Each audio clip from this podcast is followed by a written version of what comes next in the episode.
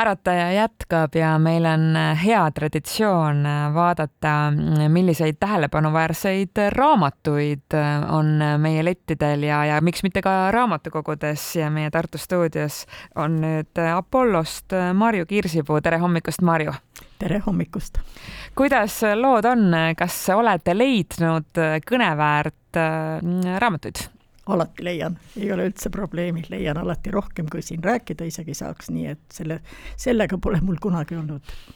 aga läheme siis kohe esimese soovituse juurde, mis kannab pealkirja Kaspari öised sõbrad just, mõtlesin, et ööst on ju nüüd alles ärgatud ja nüüd on ka hommikud pisut pimedamad, ehk olekski paslik rääkida, et ühel poisil, kes elab mõnusa maja kivikatuse all, ta on küll üksildane, nimi on Kaspar, tema jaoks terve linn õhtul magab, aga temal ei tule und. tal on silmad pärani, ta reisib ja kõige imelisemad rännakud saavad aga ühel hetkel otsa ja siis ta poeb voodisse. ta tahaks magusasti magada, tahaks uinuda, aga ööpimedus on tema jaoks liiga pime, liiga pime ja see ajab tal taas jälle une ära. pimedus ei meeldi üldse talle, see on tüütu, ajab hirmu nahka ja siis ta ohkab omaette, et oleks mul vähemalt ükski sõber, kas või keegi pisikene, ja siis ilmub üks pisikene hiir, kes viib selle poisi omale rännakutele selles samas kivikatusel olev majas, nad lähevad seiklusrohketele rännakutele ja, saavad tuttavaks väga paljude maja elanikega, kes päeval ei paista küll mitte kusagile välja, kõigil neil on omad mured, aga uued sõbrad mõistavad ka seda, et tuleb Kasparit aidata, talle hirmudest üle saada, koos aega veeta ja aidata nii ka Kasparil uinuda, et seal on nii poolpime mutt, raamatukogu hoidja, jänes, üks pingviin, noh, kõik ebaloogiline, et kus nad seal majas kõik olla saavad aga kõik nad seal on ja igal hommikul ja igal õhtul nad lepivad kokku, et nad taas kohtuvad öösel ja siis saavad jälle rännata.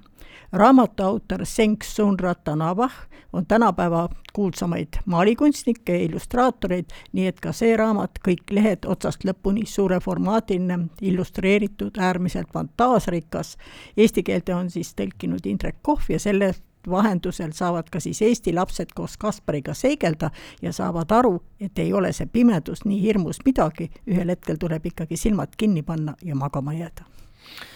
Kui nüüd minna järgmise teose juurde, siis äh, ma saan aru, et see on üsna värske, selle aasta jaanuaris nägi ilmavalgust ja nüüd on tõlgitud siis ka eesti keelde Stacy Willinghami teine äh, raamat, esimene debüütromaan vist ilmus kaks tuhat kakskümmend kaks, Kõik ohtlikud asjad just, ja kui see põhimõtteliselt ongi, tänapäeval ongi see asi kuidagi nii kiiresti, eks ole, et ilmuvad uued värsked asjad, üsna kohe nad on ka meil kättesaadavad, ja kui eelmine raamat lõppes sellega, et ühesõnaga uni oli hirmus ja ühesõnaga tahtis magada, siis tegelikult selles raamatus peategelane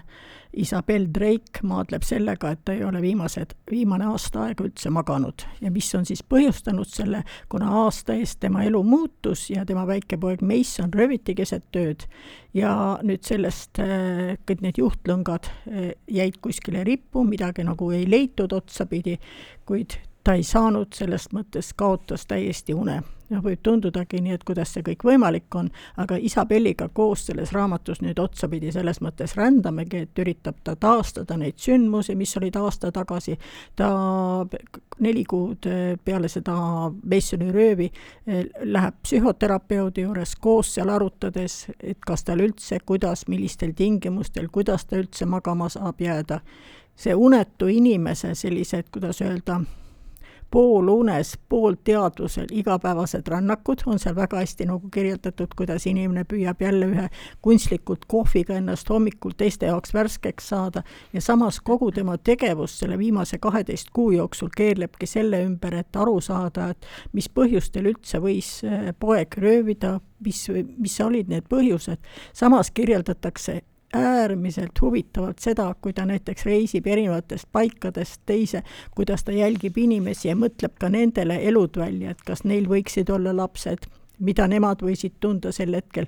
ühel hetkel Isabelli kutsutakse erinevatele loengutele, räägib inimestele sellest oma, sellest kogemusest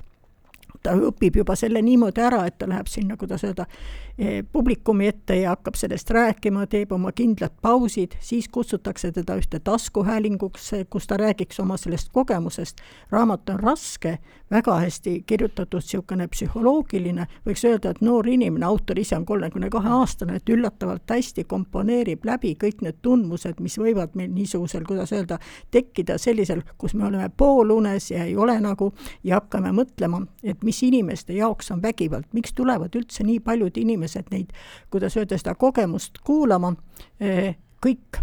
ju tahavad midagi sellest teada, aga samas tuleb sealt selge arusaam välja, et me vägivallast tahame ainult siis teada, kui see on meist kusagil eemal, kui palju ta meist eemal olnud, kui paljusid inimesi ta puudutab. oi, ma ootan juba väga tema järgmist raamatut, on ju selgelt teada antud, et kaks tuhat kakskümmend neli jaanuaris ilmub juba tema järgmine mm. raamat, nii et kõik on juba ette teada, turundus käib hm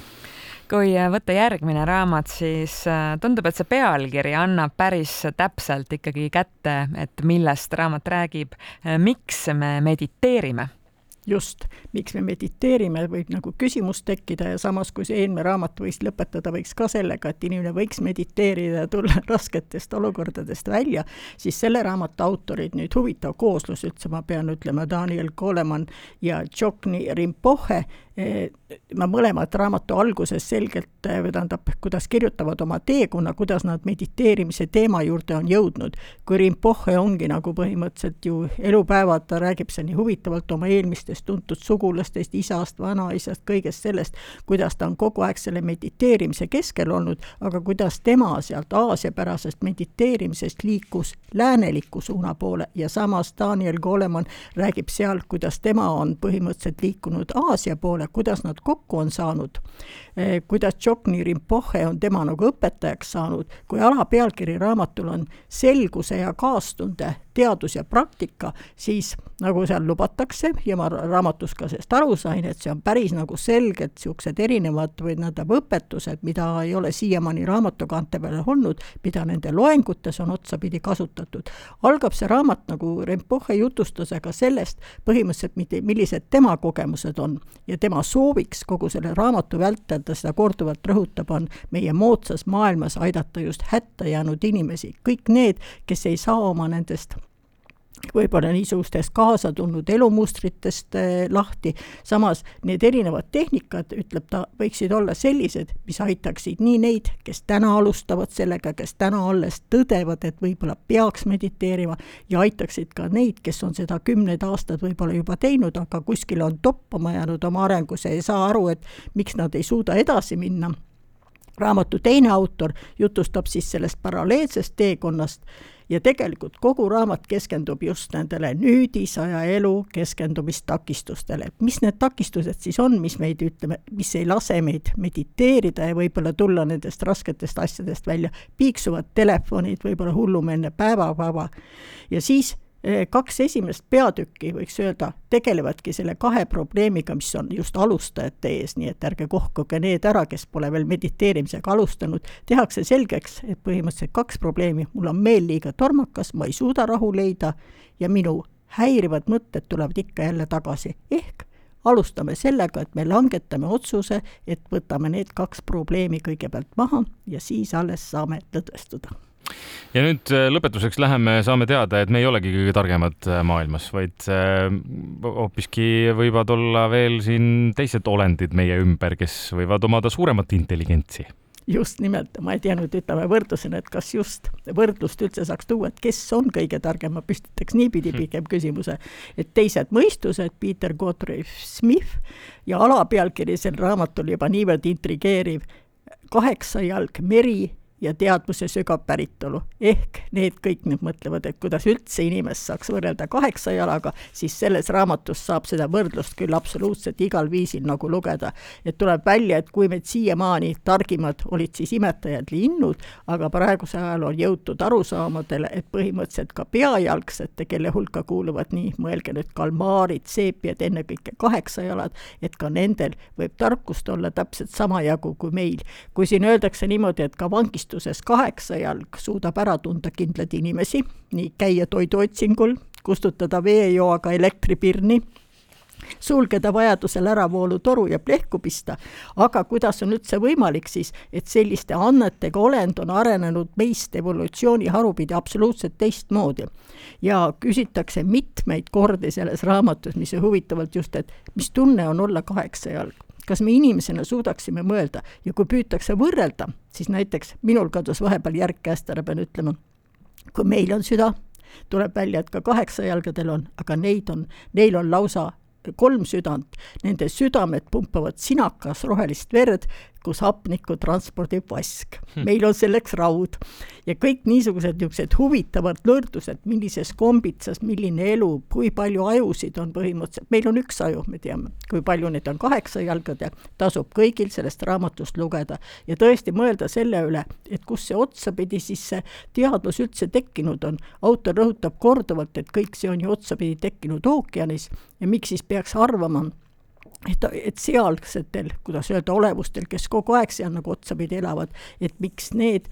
olevused võiksid jääda nagu lollimaks meist, võiks niipidi öelda, nii et seal ühesõnaga kõik nende saladused, ma ei tea, kas need kõik nüüd seal meile ette saavad toodud, aga kui kaheksa jalal on kaheksa kombitsat, mis on kõik üleni neuronid täis, siis need mõtlevad kõik ka iseseisvalt ja omamoodi ja üsna praktiliselt põnevat lugemist jälle nüüd äh, terveks nädalavahetuseks, kui mitte rohkemaks ajaks. Kaspari öised sõbrad, kõik ohtlikud asjad, äh, miks me mediteerime ja teised mõistused olid need, mis Marju täna siis välja valis. Marju Kirsipuu, aitäh ja ilusat hommiku jätku! kena päeva kõigile!